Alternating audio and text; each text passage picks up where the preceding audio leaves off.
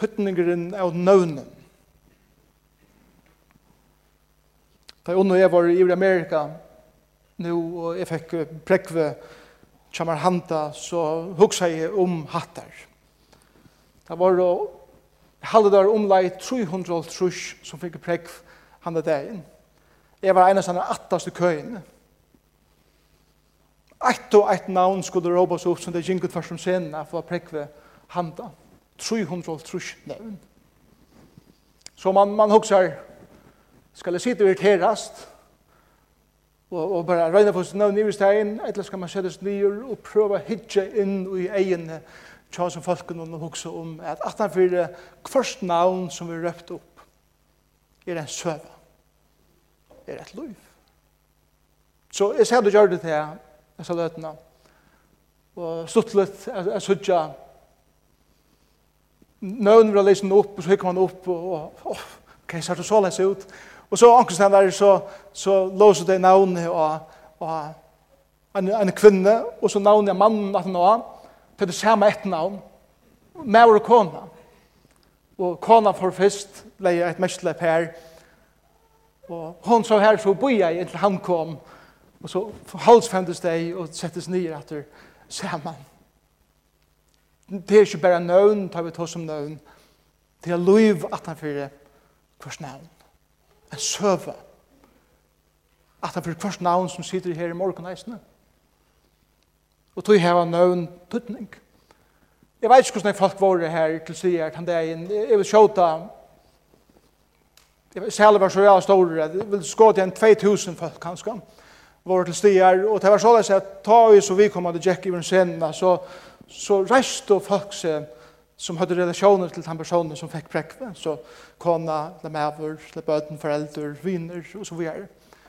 Og ta jeg, tjekk i rom, så var det en personer, i mittel 2000, som reiste seg. Og det var min kona, som eisen hører et navn, og som hører en søve at han fyrir sitt navn. Er det ikke fantastisk? Det er i omkran i middelmångten her. Ta jo alt det formella i feriat rom og alt det var pakka nyer og man sender etter og så veit man handan hesen, hese er munn. Tog jeg tar alt, kjem det alt, så er det relationer løyve snørsjum. Paulus er livur at argumentera og er hombraun. Og han er livur at fortelje om hans er atlaner. Nå er det relationer til om. Nå er det nøvn av falske som, som har haft en avvurskan og en tuttning i hans er løyve som det nå om. Og nå kommer vi til helsanen der for han for å helse folken som ein eller ære av hans løvslei hadde tøtning fyrir han og det som han gjør det i sin liv Rombrau 16, 1-16 her har vi 22 helsaner og 22 nøvn. Og det tok seg kvært fer jeg kvann a få borsur hesen og i morgen hvis du leser teksten, til for å legge mest til som vi leser teksten, at jeg gjør jo omkring smave sprøytingar.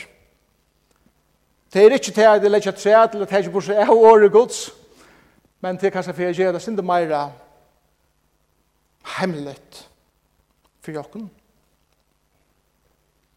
Rombrevet 16, vers 1-16. Jeg blir tikkene tega tikkene av føpe, syster okkara, som tæner samkommende og kan krea. Tæt jeg måter henne i herranen, som henne heilove sømmer, og veri henne til hjelpar i ødlun, som henne tørvar hjelp til, eller tikkara ui. Så hon er reisende veri mongon stol, ja, med sjølvun vi. Helse, helse, Diano og Hans som har arbeidt vi mer og i Kristi Jesu. Det er vår oss et løy for mot.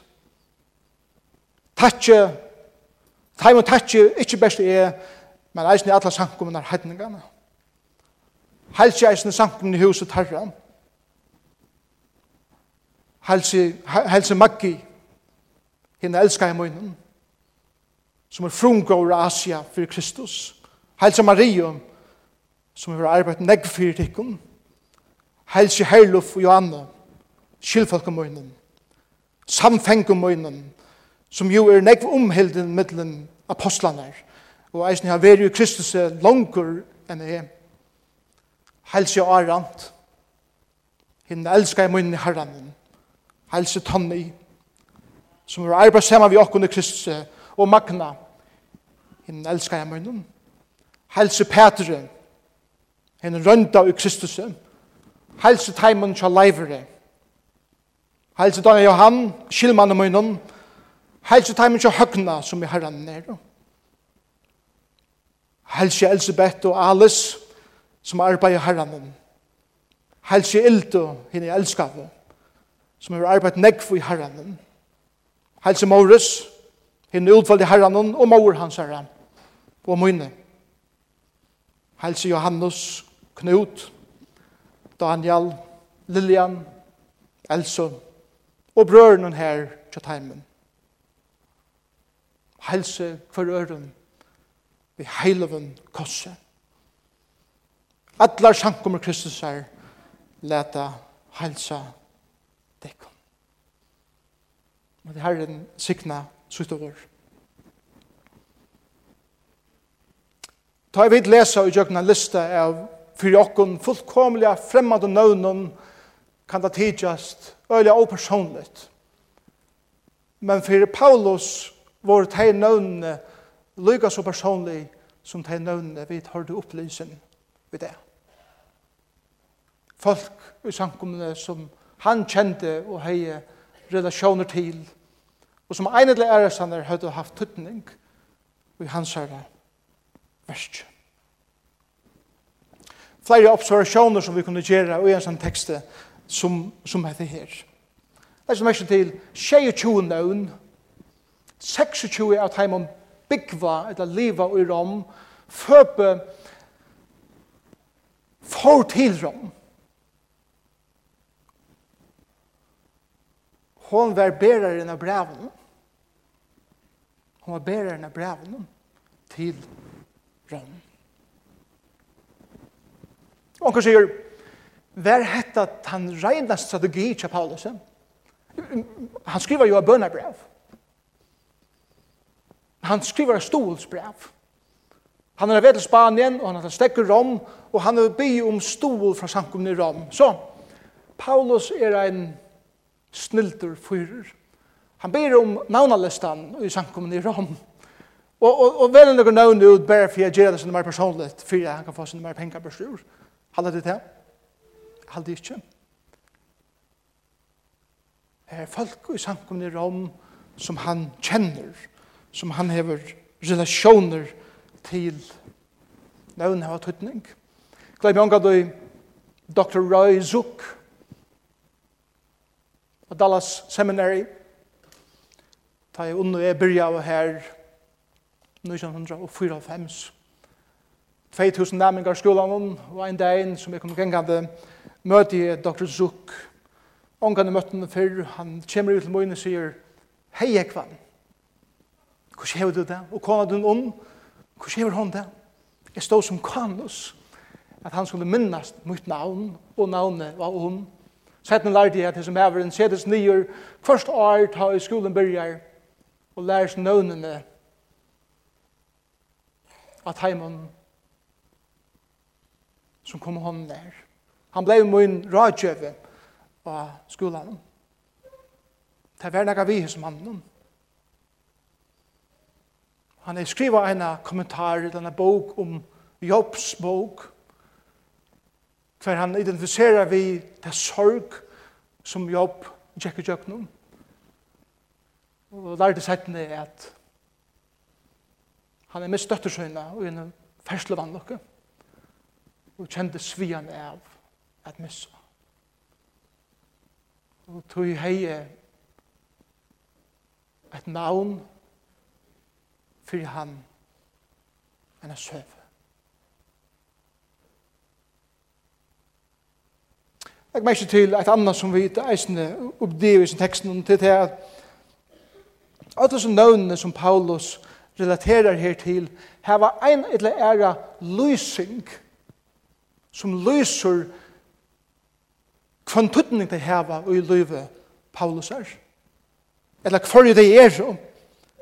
Jeg kan bare lese nekker av løsning for til kom syster, tænare samkommunar, hever vært mange til stol, arbeid sammen med mer, hever våg sitt egna løyv, henne elskar av munnen, frumgrover, arbeid negv, skyldmannen, samfengen, henne rønta, henne elskar av Hinn utvalgt utvald, så sier det, det er skipre relasjoner du kommer ui ved en person, det er smeira lysingar i år, hever du at se det at hem person tog at jeg får så sånn tuttning for te og med.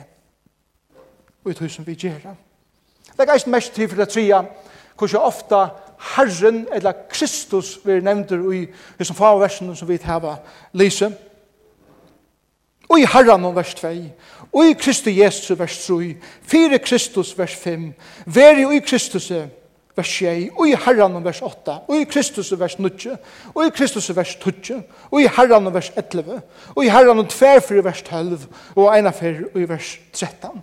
Paulus elskar Jesus. Paulus sa sine relasjoner og i samfunnet kvann tuttning Jesus hei i terra, vinabånden og relasjonen vi kvann annan. Det er eisen mest til en ære observasjon i denne kapitlen og til hettar at det var kanskje ikke bare ein sankum i Rom. Det var kanskje flere sankummer i Rom. Så kallar jeg hus sankummer. Ta døven og er en nøkker organisasjon som så kom inn i sankummen der eh, hadde de sæler eller store mongter av folk som samlet sammen en sted Det var det mer så lest at de samlas heim i husen til nøren. Onkur ser opp til seks sankummer i steksen, og det er så ikke kursier trutjar. um, og i, i vers 5. Her, her sutja vi, her leser vi helse eisende sankummene i husen, huset terra, priska og akvila. Det er pære som Paulus kjente så vel. De som ikke utlever leier er de som samlas i terrorhuset. Vers 14, Så kjøv deisene, og brørene her kjøtt heimen, vers 15, heils, um, han tåsar om Olympus, og ötlun hinun heilöve kjøtt heimen. Altså, heilse teimen som samlas tja teimen, og så teimen som samlas tja teimen, og så hinun som samlas tja teimen. Allikevel er det bare ein sankoma i Rom brevet fer fra hus til hus som tar vi lyse opp her på en tatt råha verst for åkken at heva i hoa. Et annet som er i sin versen som tar lyse legg eisen mest til hvordan karlagsfullt het her eh, brev her legg mest til hvordan hvordan djupa relasjoner er her på en hvordan personlig det er hvordan karlagsfullt det er.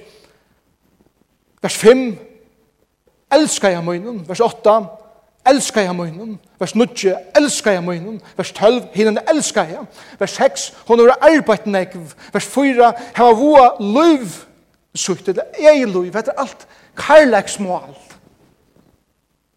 Folk som hava offra nekka, fire kvann annan og fire Paulus.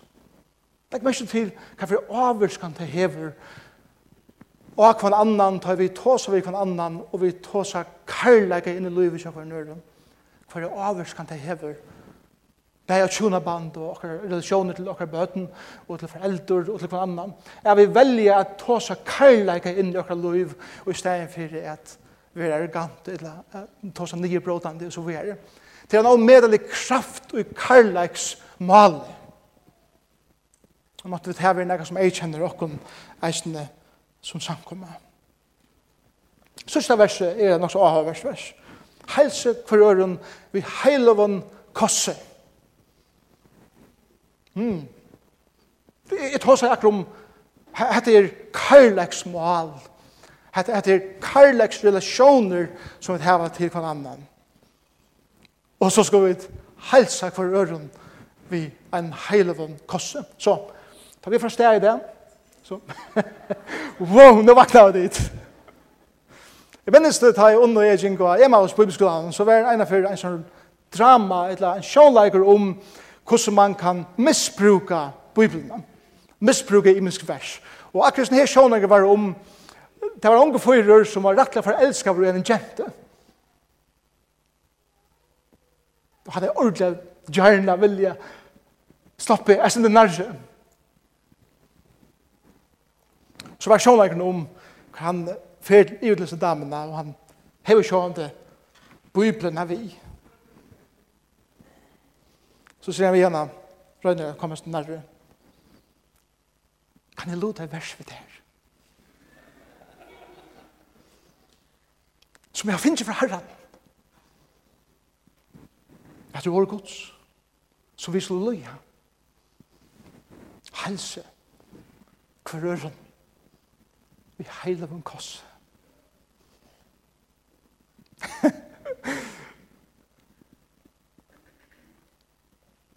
Kan man säga det? Heilar og kossur. Men det tror at jeg vet nu knappt det skulle være at gjøre ting som, som slett ikke hører hjemme i en sjankomme. Nei.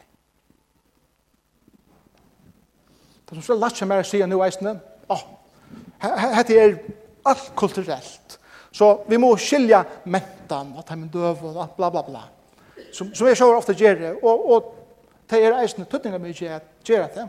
Så jeg kunne sagt,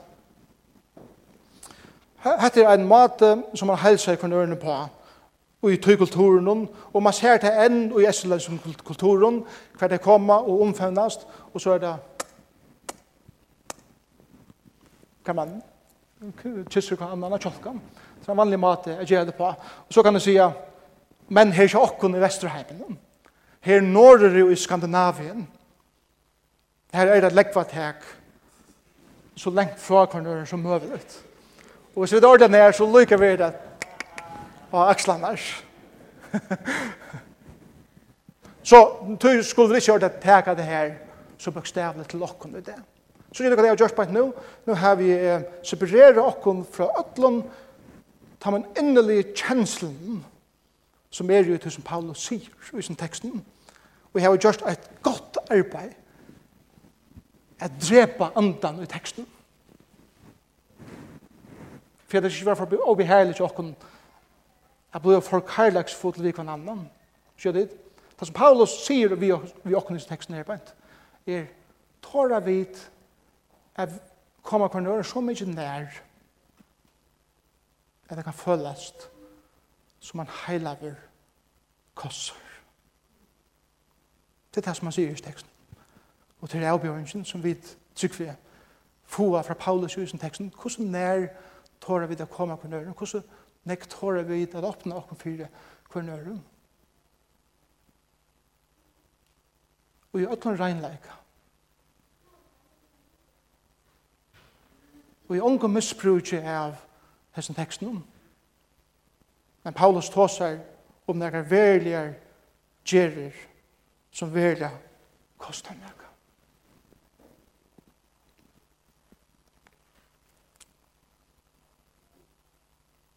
Føpe. Det er en konan som Paulus sier, hon tælner samkomne kan krea.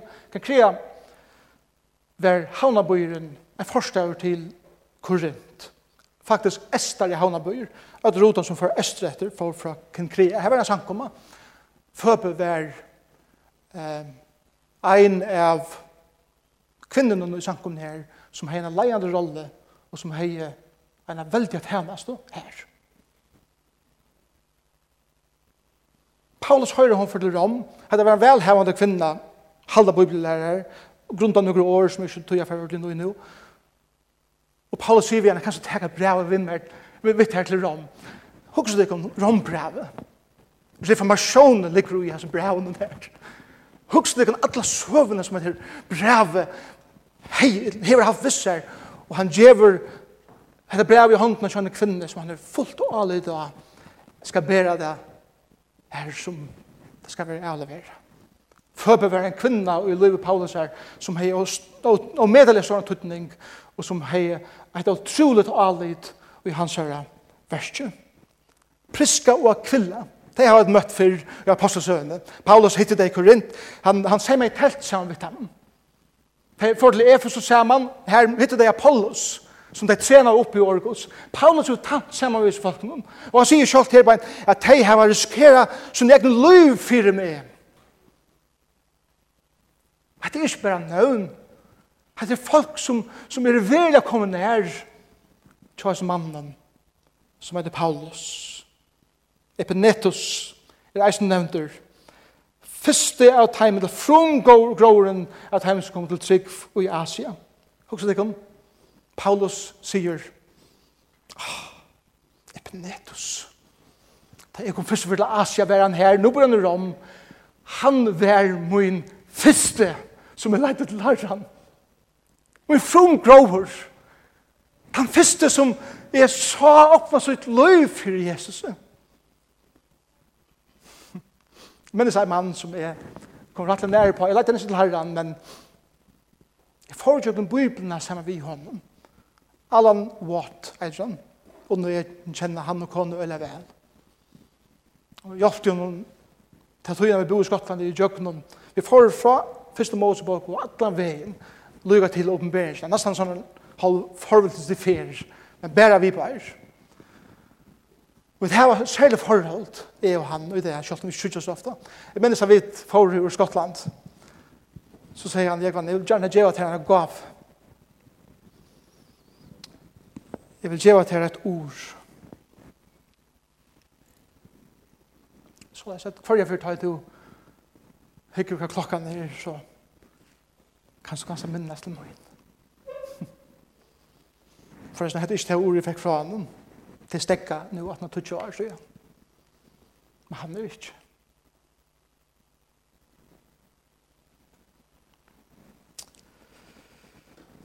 Maria. Han er konan i samkommende som bare ordna i tingene. Gje Maria til hånd, og så vil det ordna. Hon sier ikke fire at det praktiska i samkommende og i hussamkommende fungerer. Andronikus og Junias er nok et pær. Kon og mævor som har sitt i fengehuset sammen vi Paulus samfengar møyner. Minnes litt hinne for det vi så det fengehuset sammen. Wow! Det var en fantastisk tøy. For en av de beste tøyene som vi minnes Men kan tar svara så tog her. Jeg hørte en tala en for sida, ta i åndesmenn var spurt, eldre åndesmenn det var spurt, hver er tøyer og tikkara ungdomslivet vårt her beste? Og ikke et undatek sier deg, the blitz. The blitz var tøyen, ta i tyskarne regna av bomber iver London. Og de måtte flutja fra sin heim og nyer i bombeskuilene og høyre her hvordan jørsk og ogner var såra sunder og brentar opp. Det Det er okkara besta tøy i løyven. Samfengar minner. Som er i meten mellom apostlene, sier han. Johannes, Jakob, Peter og alle hinner har stora viring for teimen. Appellus,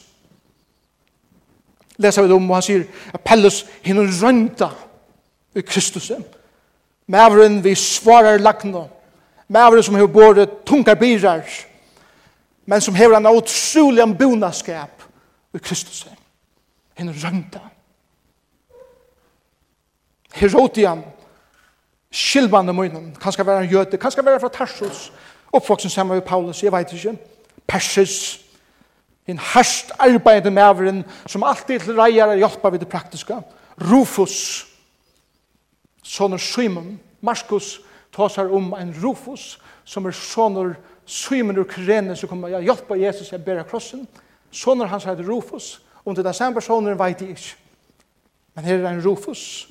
Og så sier han, og mor hans herre, og så sier han, mine vi. Altså, mamma Rufus vær som en mamma for Paulus, Hugsa tikkun, Paulus og Rufus sitter til morgen med at heimen kjem mamma Rufus, og, og, og mamma Rufus sier, Paulus, jeg veit vel at du er en apostel, og du skal ut og skunda der, at nå er det fastne for herran, men sier for et morgen med litt mann. Du lukter av sveita. Ferbruse. Det er mamma forholdet som tar Paulus sier, og mamma møyne, her ligger så utrolig nek ting ui hessen her.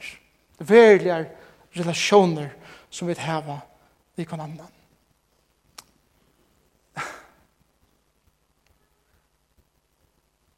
Jeg gleder meg unga disse reptamene til mer. Da jeg sier til her, det er nekker at man er ferdig hjem til herren. Så sier jeg, vi minner til to av lille smalt junker, sier repta. Og du sier, nu her var det det stuttelig der oppe. Og hver jeg fyrir møte dem, da møte dem, være så til Mossar.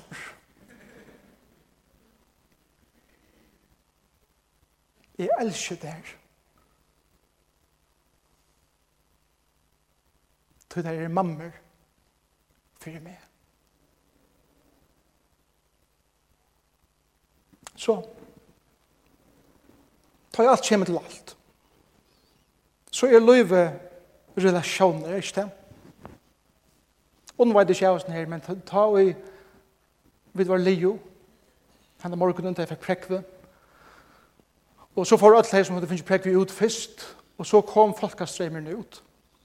Og jeg stod midt i streimen om, og helse på folk, og til lukke, bla, bla, bla. Men egen kommer alle tøyene, der kommer onde ut. Og da hun kom, boom, så var det akkurat som, ah, her er en som, Hinn er ångat hytning i mån hattar. Det er det som løyver snur seg om kære brøver og søstrar. Vi er brøver, vi er søstrar, vi er viner, vi er samstarsfeleier, vi har relasjoner til hver annan, vi kvart kommer det så nær at det svujer, vi kvart er så fjær, jeg vet at det er yngst vi var nærre, men alle her inne meir da minne har relasjoner til hver kon annan. Så, som jeg endte, la meg til å si etter. Etter at det helt brevet skriva rombrevet, så er det mennesker, vindfolk, som telja. Ødel har sin egne nøvn, ødel har sin egne søve, er fortelja. Og ødel er områdende, og en eller annan hatt. Nummer 2. Ødel er imisk, de kommer imsesanne fra, men det er knytt saman til Kristus er det her felagsnevnare. Nummer 3 til flere hussankommer i Rom, men bare en sankommer i Rom. Til nekva sankommer i havn, men det er bare en sankommer i havn. Og til de som kallar Jesus Kristus for sin frelsere, lykker mye hver de kommer. Og senast, Jeg ber til som vi nå synger sammen av løte, huksa om ein person, eit navn, som kommer framfor tikkun, som de sitter her og, og lusta og låsynsja. Hva er kjens du kommer fram, ta et navnet kommer fram for tikkun, ta det kommer heim, skrive nyer, hva for relasjoner til her til den personen kvann tuttning, han eller hon hever til en løyve, og let den personen hesa viken av vita kvann stor tuttning til hava fyrt her, ut tunn løyve.